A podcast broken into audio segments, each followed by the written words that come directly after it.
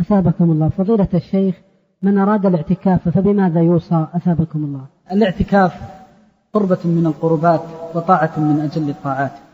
من حفظ حقوقها وقام بها على وجهها شرح الله صدره. ومن شرح الله صدره غفر ذنبه ويسر أمره وجعل له الخير حيثما توجه. من شرح صدر أحد إلا فتحت أبواب الرحمة في وجهه. ولا ينشرح الصدر بشيء أحب ولا أزكى ولا أجمل ولا اسنى من طاعة الله سبحانه وتعالى. ومن يطع الله ورسوله فقد فاز فوزا عظيما. فاز فوزا عظيما في نفسه وفي دينه وفي أهله وماله وولده وفي جميع أمره. فمن لزم طاعة الله في أشرف الأماكن وأحبها إلى الله فكيف يكون حاله؟ ولذلك كلما كان العبد مطيعا لله كلما فتحت له أبواب السعادة وتأذن الله له بالخير والزيادة ولا يمكن أن ينال هذه الطاعة وهذا الأمر إلا بتوفيق الله وحده لا شريك له. فمن يرد الله أن يهديه يشرح صدره للإسلام. فنسأل الله العظيم رب العرش الكريم أن يشرح صدورنا وصدوركم لكل خير. فأول ما يكون من ولي الله الصالح الموفق أن ينشرح صدره للاعتكاف. يحس أن الدنيا مهما كانت في جمالها وزينتها وزخرفها لن تحول بينه وبين ربه. وأن الدنيا مهما كانت في تجاراتها وفي أسواقها وفي ربحها أنها لا يمكن أن تعدل بشيء من سوق الآخرة وربح الآخرة. فعندها تشتاق نفسه وتشتاق روحه إلى أن يختلي بربه. ثلاثمائة ونيف من الأيام يعيشها العبد في لغط الدنيا والقيل والقال والترهات والمنكرات فيريد سويعات. وأياما وليالي يخلو بها بربه باكيا على ذنبه مشتكيا من تقصيره خاشعا قلبه. قد خشع لله قلبه وذرفت من خشية الله عيناه. يناديه في دياجير الظلمات رباه رباه. مخبتا منيبا إليه سبحانه وتعالى. قد أسلم لربه قلبا وقالبا. وأنس به إلها وربا. فهذه السويعات وهذه الأيام والليالي نفحة من النفحات. قد تنافس فيها من تنافس من المؤمنين والمؤمنات وفاز بها من سبق من الصالحين والصالحات. الله أكبر. إذا شرح الله للعبد صدره وأنار له طريقه ويسر له أمره فأدخله إلى بيوته. أدخله بقلب ليس فيه إلا الله. أدخله بقلب قد أنس بربه من الوحشة وفر من هموم الدنيا وغمومها إلى هم واحد وهو ربه. وقد فر من ضيق الدنيا إلى سعة واحدة وهي سعة الله جل جلاله الذي لا إله غيره ولا رب سواه. الله أكبر إذا اعتكف المعتكفون فأخلصوا وأنابوا وصدقوا وأحسنوا وبشر المحسنين. الله أكبر إذا خرج العبد من بيته إلى معتكفه لا يرجو إلا رحمة الله ولا يطمع إلا في عفو الله ومغفرة الله فأول الدلائل أنك تحس أنه يحس من قرارة قلبه أنه ثقيل محمل بالذنوب والأوزار. خرج فارا إلى الله فارا إلى رحمته يخرج من أهله وولده وحبه وزوجه يخرج لكي يشتكي إلى الله الذي هو منتهى كل شكوى يخرج لكي يبث الأشجان والأحزان. إلى الحي القيوم الذي لا تأخذه سنة ولا نوم. أيام معدودة وليال معدودة خرج لها ذلك العبد خاشعا متخشعا متذللا متبذلا متضرعا يحس أن خطواته ثقيلة. من كثرة ما أسرف في جنب الله وأخطأ فيما بينه وبين الله حتى إذا دخل ذلك البيت من بيوت الله ودخله مخلصا لوجه الله دخله وهو على يقين بسعة رحمة الله. فإذا اعتكف في تلك الأيام والليالي أنس بربه من الوحشة. فبمجرد أن يدخل إلى ذلك المسجد وذلك البيت يدخله مهموما مغموما مكروبا منكوبا فتتبدد عنه همومه وتتبدد عنه غمومه وتتنفس عنه كروبه كيف وهو عبد آوى إلى الله فآوى الله إليه. فيعيش تلك السويعات وتلك اللحظات خاشعا متخشعا إما راكعا وإما ساجدا وإما تاليا لكتاب الله أو مسبحا معظما لله سبحانه وتعالى. يا لها من ساعات ويا لها من لحظات خشعت فيها قلوب المؤمنين والمؤمنات. يا لها من أيام جليلة وساعات عطرة جميلة حينما تمسي وتصبح فلا ترى إلا الراكعين والساجدين. في مقام عظم عند الله أهله ومن محبته سبحانه لأهل ذلك المقام أن فرغهم بشكره وذكره وحسن عبادته. أوصيك أخي في الله أولا بالإخلاص لله جل جلاله. واعلم أن الله لا يقبل من صلاتك وذكرك وإنابتك وشكرك إلا ما أردت به وجه الله سبحانه وتعالى. تتمنى من قلبك أنه لم يعلم أحد أنك معتكف في بيت الله. فكم من أناس اعتكفوا وما شعر أحد أنهم اعتكفوا. ثانيا إذا جلست في ذلك المعتكف فاعلم أنك لم تترك أهلك ولا ولدك ولا زوجك من أجل أن تقضي الأوقات في القيل والقال والأضحوكات ومع فلان وعلان وإنما فارقت العزيز الذي تحبه من أجل ما هو أعز وأحب في قلبك وهو الله سبحانه وتعالى. فيكون أكره ما عندك وأضيق ما عندك إذا جاء أحد يحول بينك وبين الله. فتأنس بذكر الله. الاعتكاف ذكر وتسبيح تهجد وتراويح. الاعتكاف استغفار. وإنابة إلى الله الواحد القهار. تذكر الله قائما وقاعدا ومضطجعا. تتلو كتابه. وتخشع لآياته فإذا اعتكفت اعتكاف الصادقين خرجت من بيوت رب العالمين برحمة أرحم الراحمين. الله أكبر كم من أقوام اعتكفوا فخرجوا من اعتكافهم كيوم ولدتهم أمهاتهم. ولا يزال العبد يصدق مع الله من أول لحظة في اعتكافه فيخرج من بيته لله فيوفقه الله لليلة القدر فيصيبها بتوفيق الله ثم بإخلاصه لله سبحانه وتعالى. تخرج أن تعرف ما هو الاعتكاف. لزوم المساجد لطاعة الله وحده لا شريك له. وليس لزومها للقيل والقال والضحك والانشغال بالطعام والشراب وكثرة فضول النوم والأكل. من الناس من أعد الاعتكاف مدرسة فخرج من اعتكافه بختم القرآن كل ثلاث ليال. من الناس من خرج من اعتكافه بالخشوع عند سماع القرآن. من الناس من خرج من اعتكافه بالبكاء إذا سمع القرآن. من الناس من خرج من اعتكافه بصيام الاثنين والخميس ومنهم ومنهم.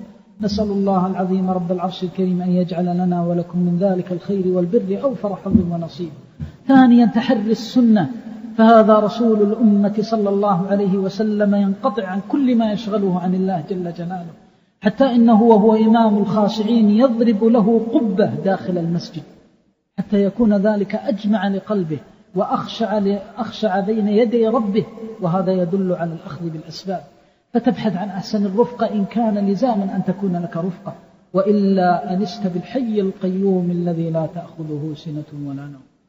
كذلك أيضا تحس وأنت في اعتكافك بذلك الإحساس العظيم الذي لا يكون في قلب عبد إلا أراد الله به خيرا.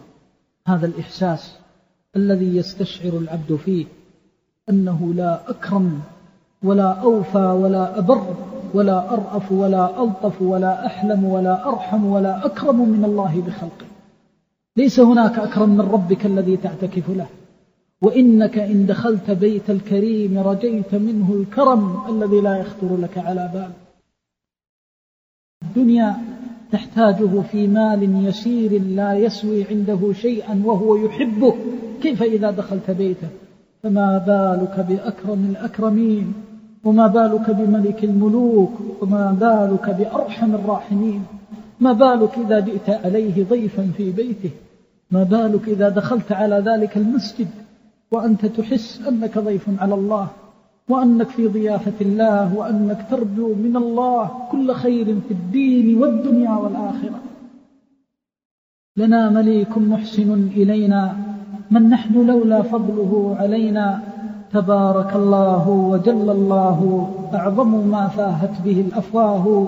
سبحان من ذلت له الأشراف وأكرم من يرجى ومن يخاف.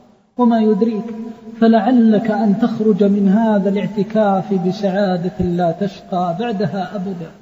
وما يدريك فلعل الله أن ينظر إليك في مقام واحد قد خشع قلبك وذرفت من خشيته عيناه فألبسك الله عافية في دينك لا تفتن بعدها أبدا. وما يدريك فلعل الله أن ينظر إليك في سويعة قد خشع قلبك وذرفت عيناك من خشيته فحرم الله جسدك على النار وما يدريك وأنت تعامل ملك الملوك وأرحم الراحمين في فضائله ونوائله ومكرماته وعطاياه ويده سحاء الليل والنهار لا تغيضها نفقا من الذي يرحم المذنب وهو بعيد عنه؟ فيغفر ذنبه ويستر عيبه ويكشف كربه وما وقف على بابه سبحانه. وأنت ضيف عليه في بيته فإذا دخلت ذلك البيت معتكفا فالله الله أن تستشعر من قلبك هذا الشعور وأن تحس أنك في ضيافة الله فترفع كفك إلى الله الذي لا إله غيره ولا رب سواه ترفع كفك لمن يجيب المضطر إذا دعاه تبث إليه هموم دينك من الفتن والمحن التي أقضت مضجعك. وآلمت نفسك وقرحت قلبك وحالت بينك وبين الله. تشكو إلى الله نفسا متمردة عاصية لربها فتسأله أن يعينك عليها وتقول يا رب أعني على نفسي.